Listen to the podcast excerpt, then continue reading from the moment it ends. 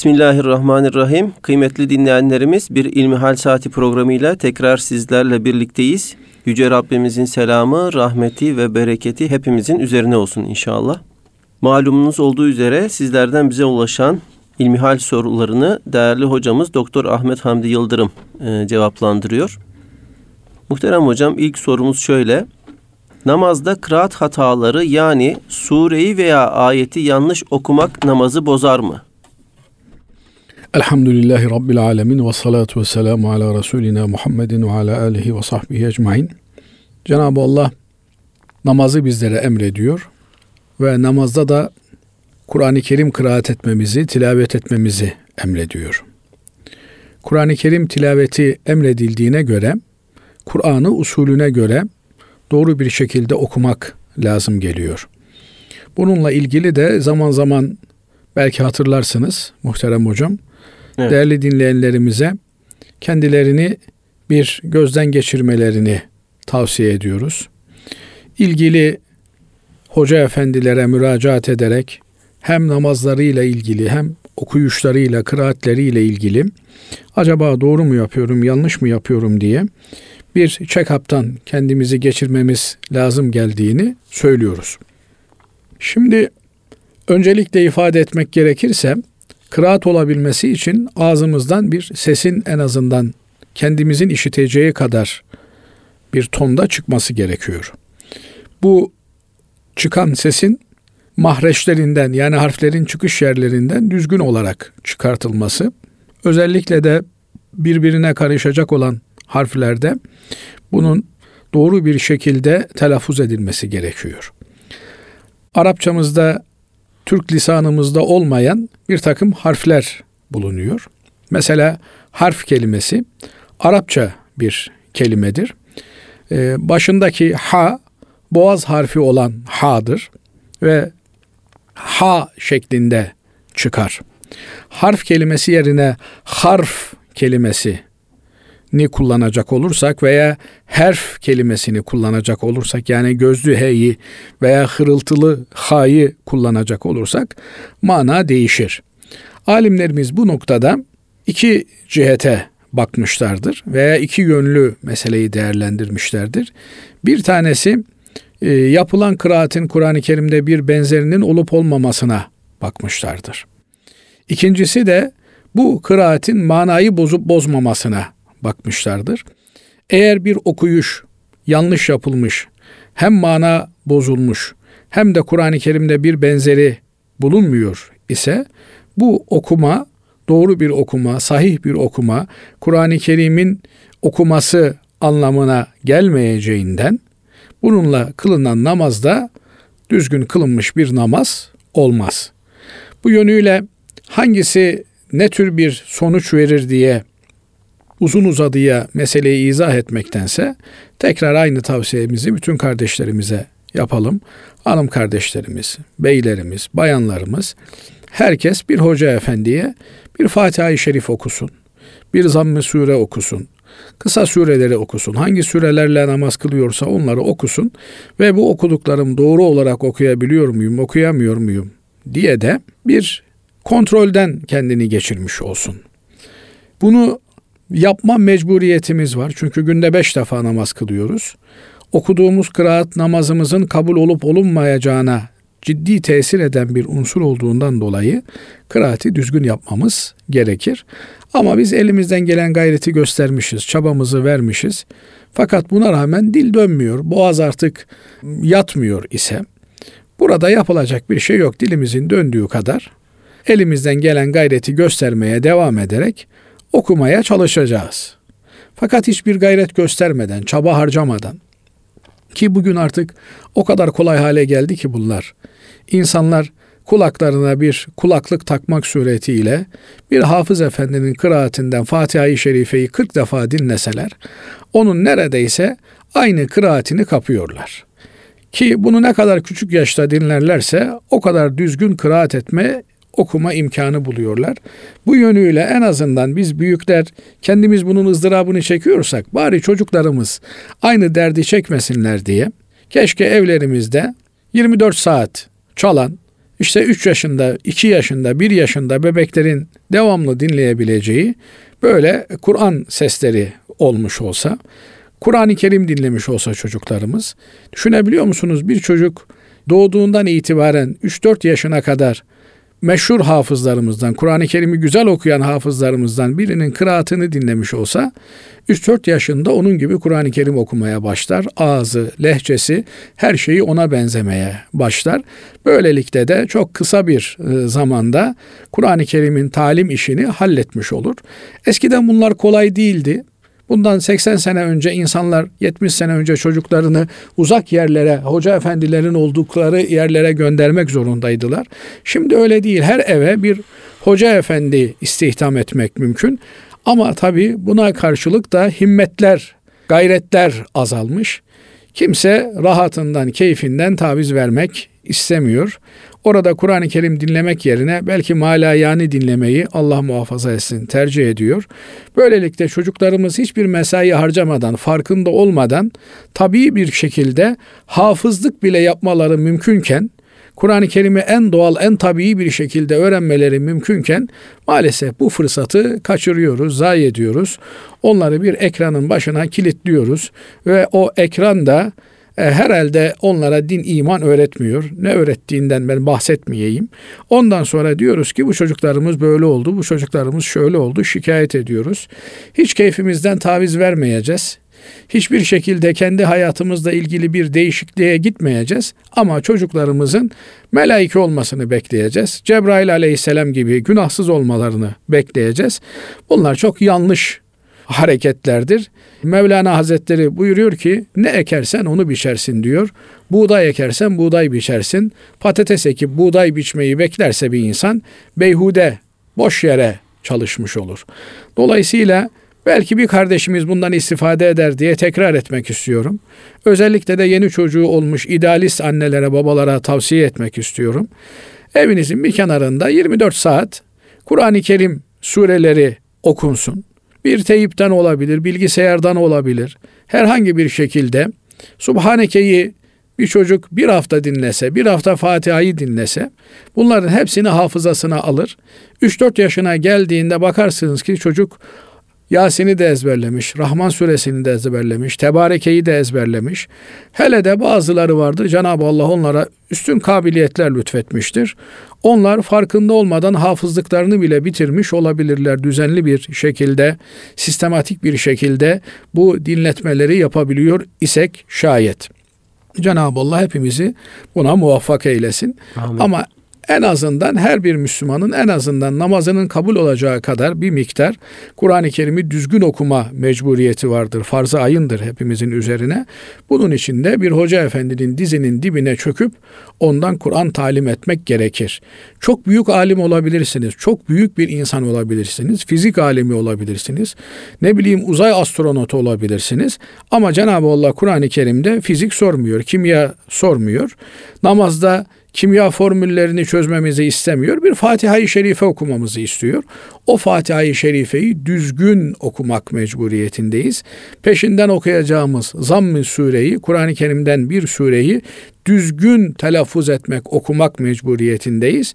Onun için ben işte bu yaşına geldim, ben bu yaştan sonra kimsenin dizinin dibine oturamam diye bir şeye girmeden mutlak surette bunu bir ibadet telakki ederek, tevazu ederek bir hoca efendiyle, bir hafız efendiyle bu tekrarları yapmakta büyük faydalar var. Ahiretimiz için büyük faydalar var. Bu ilim niyetiyle yapıldığı zaman da Cenab-ı Allah ilim talebesi sevabı yazar. Biliyorsunuz cennete girmenin en kestirme yolu ilim tahsil etmekten geçiyor. Onun için bizim e, eski insanlarımız, alimlerimiz beşikten mezara kadar ilim tahsiline devam etmişlerdir. Efendimiz Aleyhisselatü Vesselam ya öğren ya öğret ya dinle ya da seven ol buyurmaktadır. Beşincisi olursan helak olursun buyuruyor. Binaenaleyh ya ilimle meşgul olmak lazım, öğrenmek veya öğretmek lazım veya en azından dinleyici kadrosundan bulunmak lazım. Yani o mekanlarda e, vakit geçirmek lazım veya seven olmak lazım, destekleyen olmak lazım. Maddi manevi imkanlarla ilim tahsilini teşvik etmek lazım. Bazen bir güzel söz insanı teşvik eder, ilim yoluna sokar. Bazen e, birkaç kuruşluk yardım e, böyle bir hizmetin devamına vesile olmuş olur.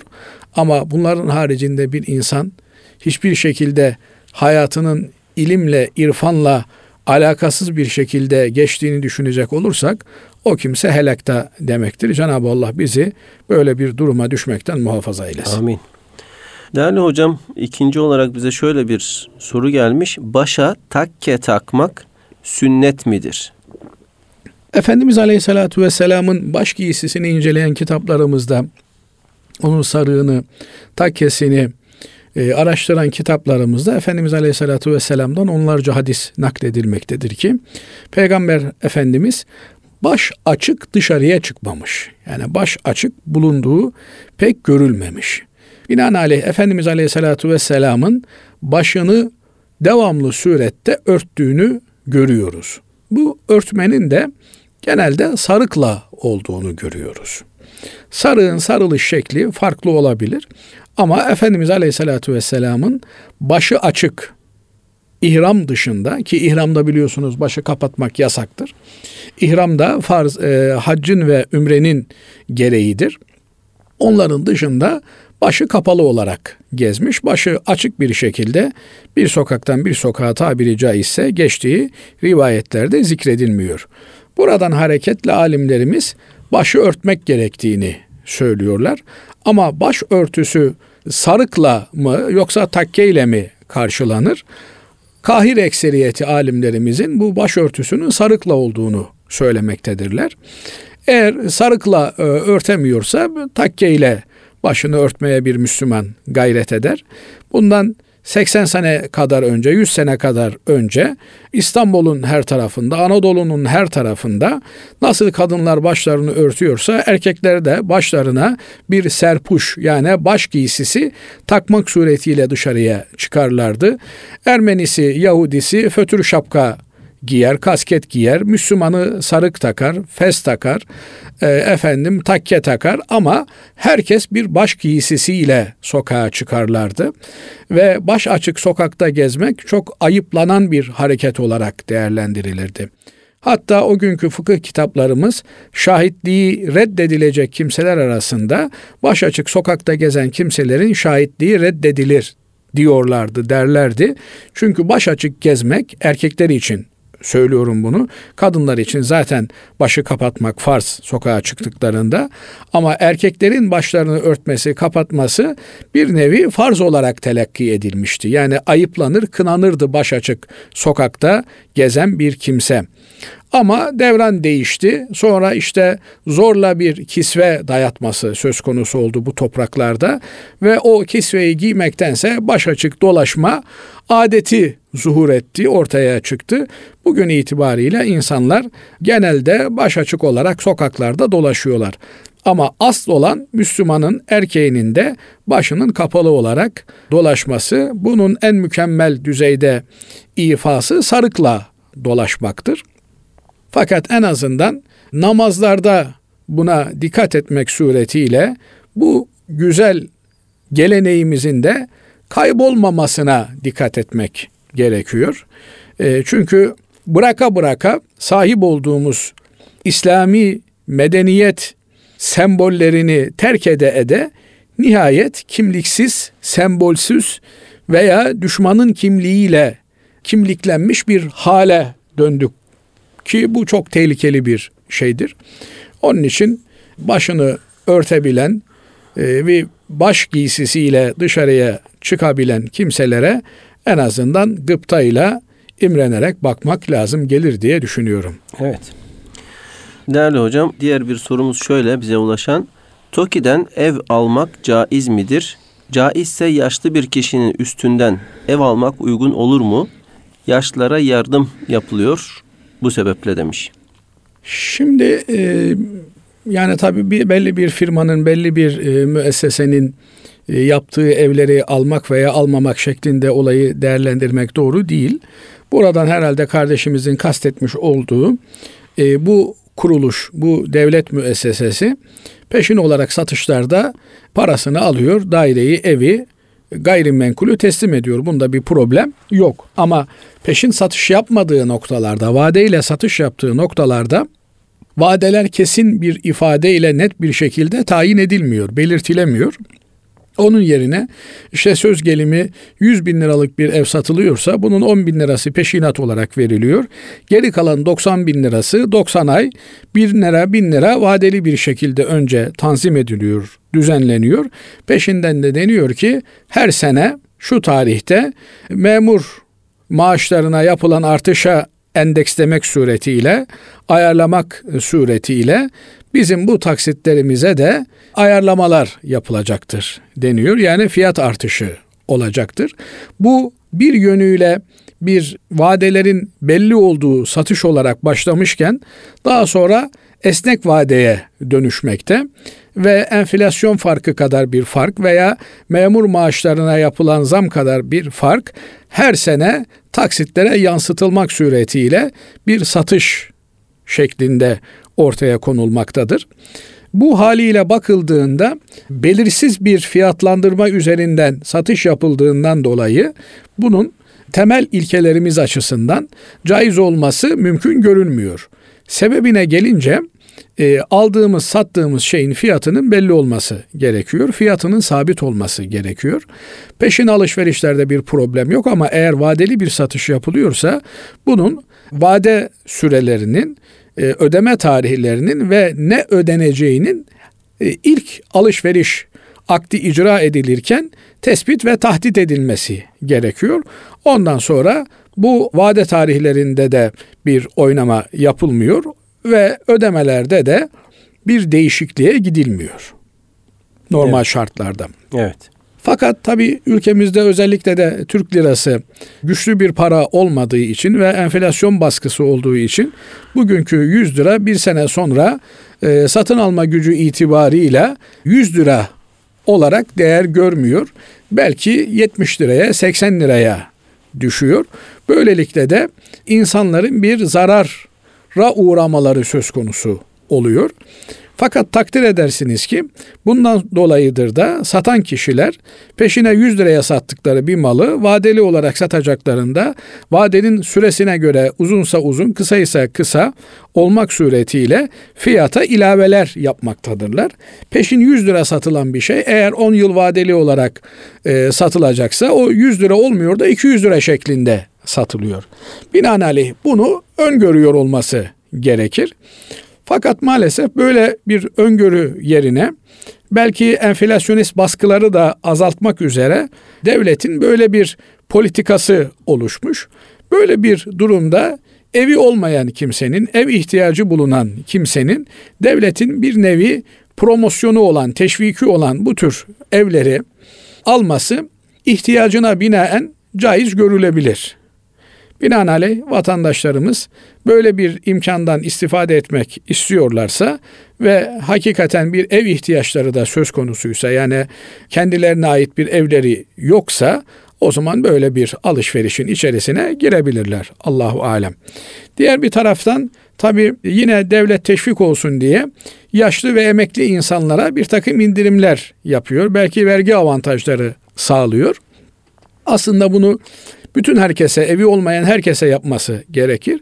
Çünkü ev asli bir ihtiyaçtır. Yani her vatandaşın ihtiyacıdır. Binaenaleyh ihtiyacı olan bir şeyi alan bir kimseden vergi almak hakkaniyetle bağdaşmaz. Ama eğer bir kimse hakikaten e, zaruri ihtiyaçlarının dışında bir şey alıyorsa bunlar vergiye konu edilebilir. Böylelikle toplumsal barışı sağlamak üzere devlet elinde bir takım maddi imkanları toplayabilir. Ama zaruri dediğiniz, asgari dediğiniz, açlık sınırında dediğiniz bir kimsenin kazancının üzerinden vergi almaya kalkmak, sen açsan da biraz daha aç o kardeşim diyerek ona bir ekstra baskı anlamına gelir ki bunun doğru olduğunu söylemek mümkün değil. Fakat böyle bir uygulama söz konusu emekli olan, ihtiyar olan vatandaşlara belki devlet bir vergi avantajı sağlıyor. Şimdi diyor ki kardeşimiz ben dedemin adına böyle bir eve girsem sonra da bunu kendime devretsem olur mu? Bu tür istismarlara tevessül etmemek lazım. Ama dedesiyle beraber yaşıyorsa, dedesinin bakımı bunun üzerindeyse elbette dedesine tahakkuk eden bir hak ona da tahakkuk etmiş sayılır. Ama dedesiyle selamı sabahı olmayan biri ise sırf böyle bir haktan istifade etmek için onu e, istismar etmesi, kullanması da doğru bir davranış, helal bir davranış olmaz kanaatindeyim. Evet. Kıymetli dinleyenlerimiz İlmihal Saati programımıza kaldığımız yerden devam ediyoruz. Efendim şimdi bize ulaşan diğer bir soru şöyle değerli hocam. Belalar ve musibetler kader midir? Evet biliyorsunuz malumunuzdur ki hocam iman esaslarından bir tanesi amentümüzün esaslarından bir tanesi ve bil kaderi hayrihi ve şerrihi min Allahi Teala kadere imandır. Hayrın ve şerrin hepsini yaratanın Allah olduğuna iman etmektir. Sadece ve sadece Cenab-ı Allah yaratabilir. Yaratıcı olarak sadece Cenab-ı Allah'ı tanıyoruz. Her ne varsa şu kainatta onun yaratıcısı Cenab-ı Allah'tır. Kur'an-ı Kerim size isabet eden, sizin başınıza gelen iyilikler, güzellikler femin Allah, Allah'tandır. Ve ma asabeke min seyyiyetin femin nefsik. Başına gelen musibetler, kötülükler de nefsinden kaynaklanmaktadır diye izah etmektedir, buyurmaktadır. Yani burada bizim başımıza gelen kötülüklerin, başımıza gelen zararların, musibetlerin bir şekilde bize ait bir yönünün olduğu ifade edilmektedir. Fakat her ne olursa olsun biz başımıza gelen musibetin bizim hakkımızda hayır mı, şer mi olduğunu bilemediğimizden dolayı başımıza gelen şeyleri görünüşte şer olarak görünse, musibet olarak görünse bile onu bir musibet olarak değerlendirmekten öte onu Allah'ın bir imtihanı olarak görmek gerekir. Mamafi bir film tahayyül edecek olursak, film üzerinden bu meseleyi değerlendirecek olursak, bir filmde iyi adam rolünü oynayan da vardır, kötü adam rolünü oynayan da vardır. Ama ödül almaya geldiğinde iyi adam rolünü oynayana ödül veriyorlar, kötü adam rolünü oynayana ceza veriyorlar diye bir şey söz konusu değil. Eğer rolünü iyi oynamışsa iyi adam pozisyonunda da olsa kazanır, kötü adam pozisyonunda da olsa kazanır. La teşbih buradan hareketle şunu söyleyebiliriz. Bir kimseye zahiren hayır gibi gözüken, nimet gibi gözüken çok mal mülk verilmiş olsun, evladu iyal verilmiş olsun, efendim her türlü konforu, saltanatı elinin altında bulunmuş olsun.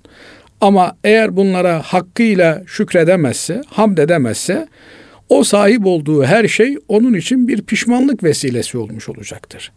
Yarın öbür gün letüs elünne yevme izin anin naim her şeyin hesabının sorulacağı, her nimetin hesabını vereceğimiz günde bu elimizdeki imkanların, konforun hesabı çok ağır olacaktır.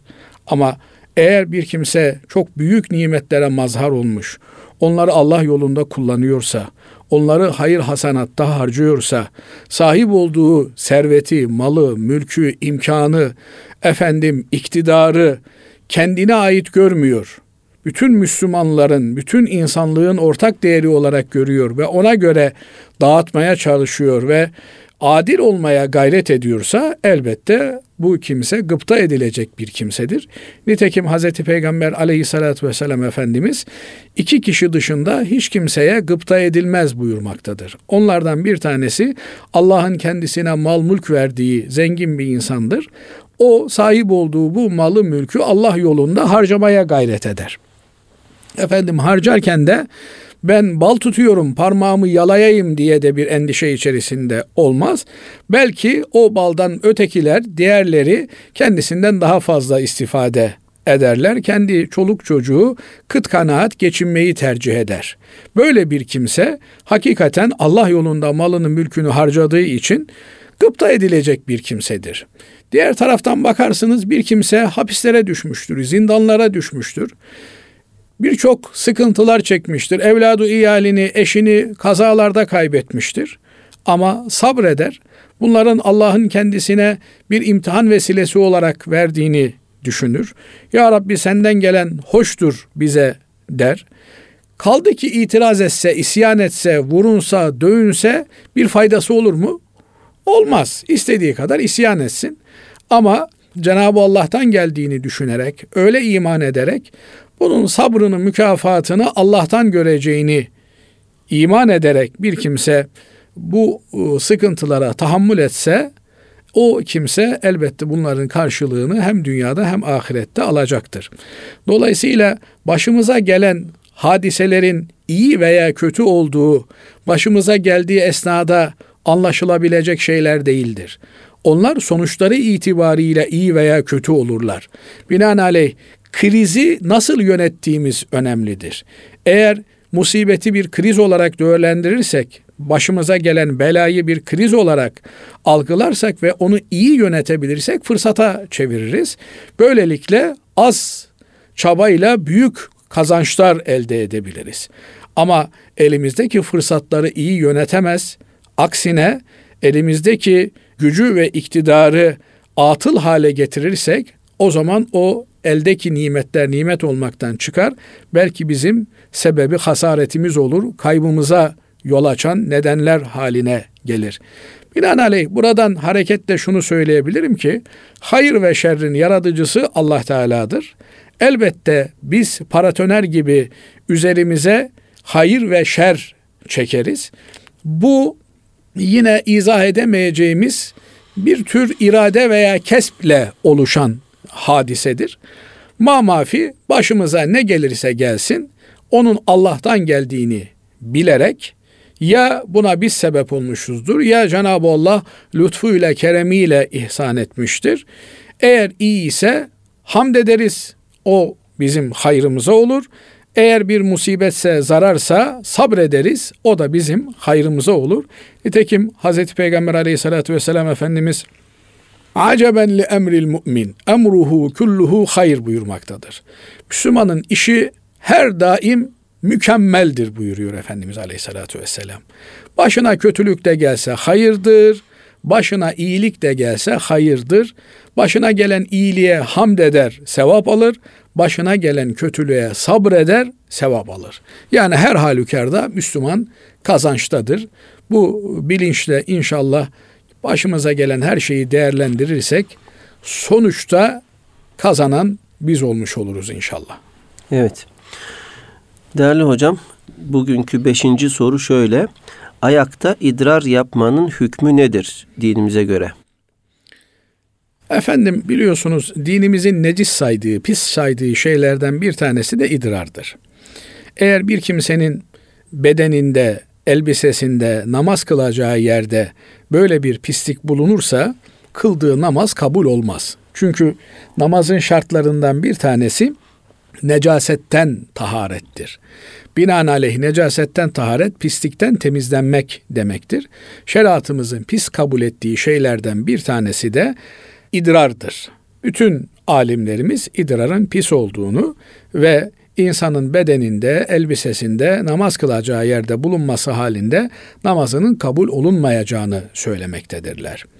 Böyle olunca bu pislikten kurtarmak gerekmektedir. Elbette vücut bundan kurtulmak için onu dışarıya atmaktadır. Dışarıya atarken dikkat etmemiz gereken bir takım hususlar vardır. Bunlardan bir tanesi küçük abdesti yaparken oradan bir geriye dönüşün bedenimize veya vücudumuza, elbisemize olmaması gerekir. Bu da ya idrar yaptığımızda idrar bir taşa, toprağa çarptığında oradan geri gelmek suretiyle olur veya da idrarı tam yapamayız. Efendim üstümüzü giydikten sonra kaçırıyor olabilir. Böylelikle bedenimiz ve çamaşırımız kirlenmiş, pislenmiş olur. Bu noktayı nazardan bakıldığında bu meselede çok ihtiyatla hareket etmemiz gerektiği anlaşılmaktadır. Nitekim Efendimiz Aleyhisselatü Vesselam idrardan sakınınız diye bize tembihatta bulunmuş. Bir keresinde de iki kabrin yanından geçerken durmuş yanındakilere buyurmuşlardır ki Resul-i Ekrem aleyhissalatü vesselam Efendimiz bu kabirlerde yatanlar azap görüyor. Bunların azap görmelerinin sebebi de sizlerce basit ama aslında büyük günahlardır. Bir tanesi gıybet yapar, diğeri de küçük abdestini dikkatsizce yapardı buyurmaktadır Efendimiz Aleyhisselatü Vesselam. Buradan anlıyoruz ki küçük abdest meselesi çok önemli bir meseledir.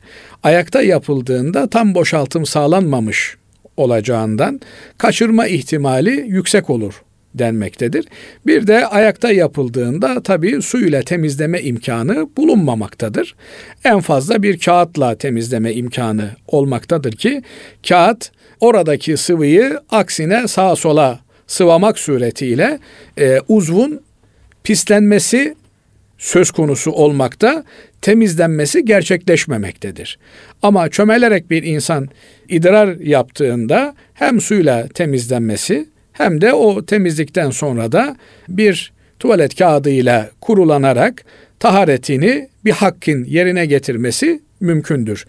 İkinci bir hususta ayakta sıçratma meselesidir ki oturarak da söz konusu olduğunda bu sıçratma meselesi söz konusudur. Binaenaleyh burada da ihtiyatlı olmak gerekir, dikkatli olmak gerekir. Efendimiz Aleyhisselatü Vesselam'ın bir defa ayakta bevlettiği rivayet edilmektedir. O da sağda solda çömelmeye müsait bir yer olmadığı için yani böyle çöplük gibi bir yer olduğundan dolayı Efendimiz Aleyhisselatü Vesselam ayakta bevletmek durumunda kalmıştır. Bundan anlıyoruz ki eğer bir e, zaruret varsa efendim dizlerinde ağrı var çömelemiyorsa bir kimse oturabileceği bir alafranga tuvalet de söz konusu değilse o zaman ihtiyacını ayakta gidermek durumunda kalır ve elbisesine, çamaşırına bir e, pislik bulaşmışsa onları değiştirmek suretiyle namazını kılar. Fakat eğer bir zorunluluk yoksa bu durumda çömererek abdest bozmayı tercih etmek gerekir ki Efendimiz Aleyhisselatü Vesselam'ın dediğim gibi sadece bir yerde böyle bir zaruretten dolayı ayakta bevlettiği rivayet edilmektedir. Bundan dolayı alimlerimiz ayakta bevletmeyi çirkin görmüşlerdir, kelih görmüşlerdir, doğru bulmamışlardır. Evet.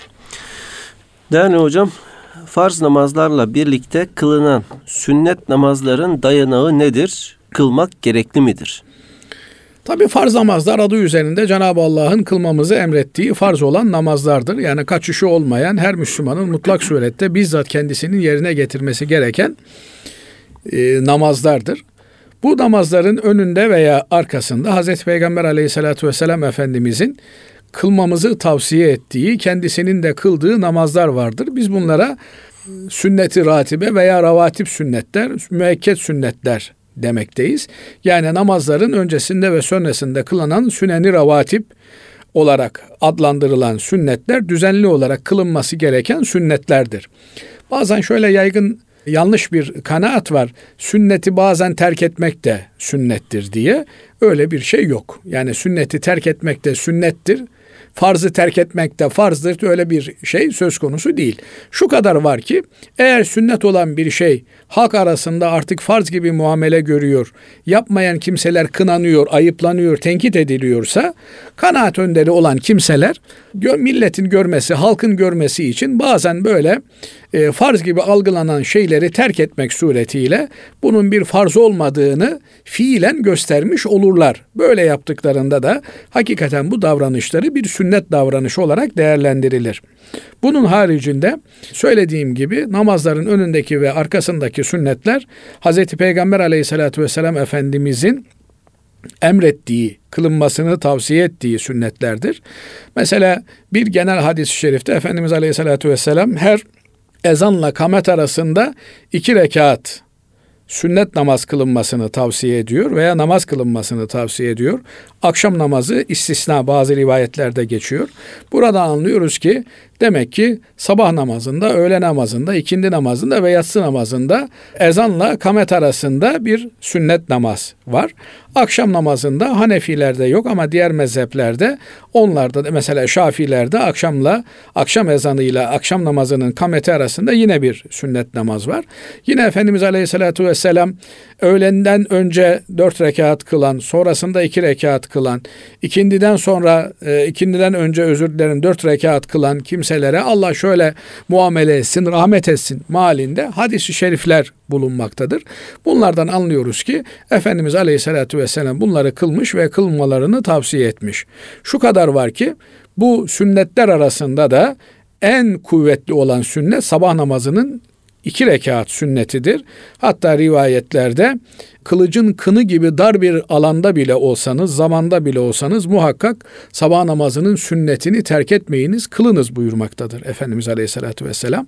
Dolayısıyla sabah namazının iki rekat sünneti vacip ayarında neredeyse vacip ayarında sünnettir.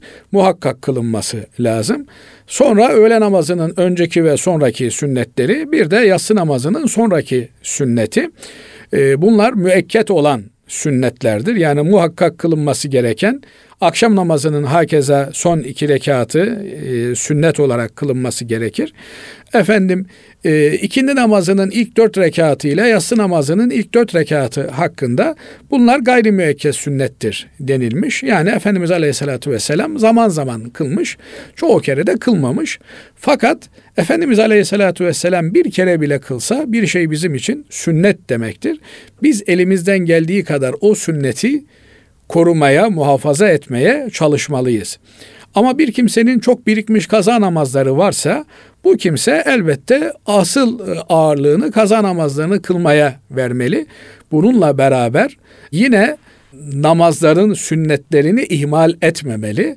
Çünkü bu sünnetler namazların koruyucu kalkanıdırlar, zırhıdırlar. Onları bıraktığımız zaman farz namazlar da yavaşlamaya, orada da bir gevşekliğe yol açabilir Allah muhafaza eylesin. Fakat Özellikle de sabah namazının sünnetini, öğle namazının sünnetlerini, e, akşam namazının son sünnetini ve yatsının son sünnetini ihmal etmemeye gayret etmek lazım. Dediğim gibi kaza namazı olan kimseler bu noktalarda bu sünnetleri ihmal etmeden ağırlığını kaza namazlarına vermek suretiyle namazlarını kılarlar. Evet. Değerli hocam bir dinleyicimiz şöyle sormuş. Haram ile caiz değildir arasında fark var mıdır? Tabi haram ile caiz değildir arasında dağlar kadar fark vardır.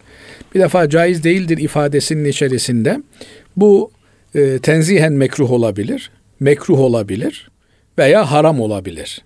Yani her üçü de söz konusu olabilir.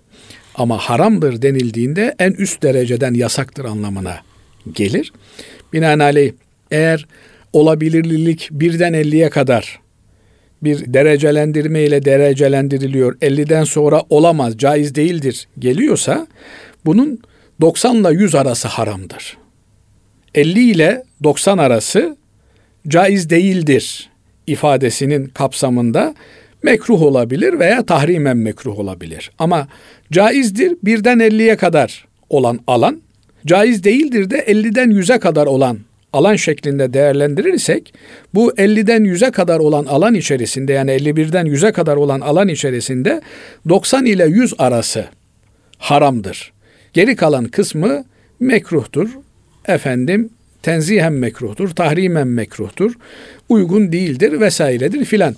Mesela sol elle yemek yemek caiz değildir. Haram mıdır? Değildir. Sağ elle sümkürmek caiz değildir haram mıdır? Değildir. Evet. Dolayısıyla her haram caiz değildir ama her caiz olmayan haramdır denilemez. Bu mesele önemli bir mesele. Değerli hocam son sorumuzu da şöyle soralım. Ee, dinleyicimiz diyor ki selamünaleyküm. Ben sadece meal okuyordum. Bir arkadaşım sadece meal okumak uygun değil dedi. Tefsir okumam gerektiğini söyledi. Sadece meal okumak ile Kur'an Kur'an'ı anlayabilir miyim? Tabi Kur'an-ı Kerim engin bir deniz. e, çok güzel bir e, slogan cümle var. Bütün kitaplar tek bir kitabı anlamak içindir diye. Evet. Yani bütün kitaplar sadece ve sadece Kur'an-ı Kerim'i anlamaya yönelik bir çabanın ürünüdür. Tabiri caizse Hz. Peygamber aleyhissalatü vesselam Efendimizin ashabından kıyamete kadar bütün alimlerimiz, Müslümanlar Kur'an-ı Kerim'i anlamaya gayret etmektedirler. Kur'an-ı Kerim'i anlama gayretinden çok farklı görüşler ortaya çıkmaktadır. Mezhepler ortaya çıkmaktadır. Dolayısıyla Kur'an-ı Kerim'i anlamak ifadesi çok büyük bir iddia ama elbette her Müslümanın Kur'an-ı Kerim'i anlamaya gayret etmesi gerekir. Kur'an-ı Kerim'i hayatına uyarlaması gerekir. Bu noktada yapmamız gereken nedir? Bu aslında çok önemli bir mesele. Sadece bir programı buna tahsis etsek yeridir Basri Hocam. Ama kısaca ifade etmek gerekirse elbette mahalli, maalsiz Kur'an-ı Kerim'i okuyacağız. Fakat en önemli olan nokta ki asla bunu göz ardı etmememiz gerekiyor. Bir hocamız olacak. Yani Kur'an-ı Kerim'de bir şey okuduk, aklımıza takıldı. Muhakkak danışacağımız, müracaat edeceğimiz bir hocamız olacak. Nitekim sahabe-i kiram efendilerimiz Kur'an-ı Kerim'i okurlarken kafalarına takılan anlayamadıkları yeri veya yanlış anlama ihtimalinin söz konusu olduğu yeri Hazreti Peygamber Efendimiz'e soruyorlardı. Peygamber Efendimiz vefat ettikten sonra birbirlerine soruyorlardı. Yeni okumaya başlayanlar hocalarına soruyorlardı. Nitekim Hazreti Ali Efendimiz diyor ki Kur'an-ı Kerim'in nasihini, mensuhunu, mutlakını, mukayyedini, ammını, hasını ve birçok ilimler sayıyor Kur'an-ı Kerim'le ilgili. Bunları bilmeyen bir kimse diyor e, ilim taslamaya kalkmasın diyor. Alimlik taslamaya kalkmasın. Kur'an-ı Kerim'i tefsir etmeye kalkmasın diyor. Anlama çabası içerisinde olduğunu söylemesin diyor. Bu tabi en üst perdede Kur'an-ı Kerim'i yorumlama noktasına gelmiş insanlar için gerekli olan bir husus. Ama bir Müslüman Kur'an-ı Kerim'i okumayacak mı? Okuyacak. Nasıl Arap okuduğunda Arapçasından bir şeyler anlıyorsa, Türk de malini okuyacak, malinden bir şey anlayacak. Ama öncelikle unutmamak gerekir ki mal dediğimiz şey suyunun suyunun suyudur. Yani Kur'an-ı Kerim'in direkt bize söylediği şeyler değildir. Kur'an-ı Kerim'in biri tarafından anlanılarak, anlaşılarak bize aktarılan kısmıdır.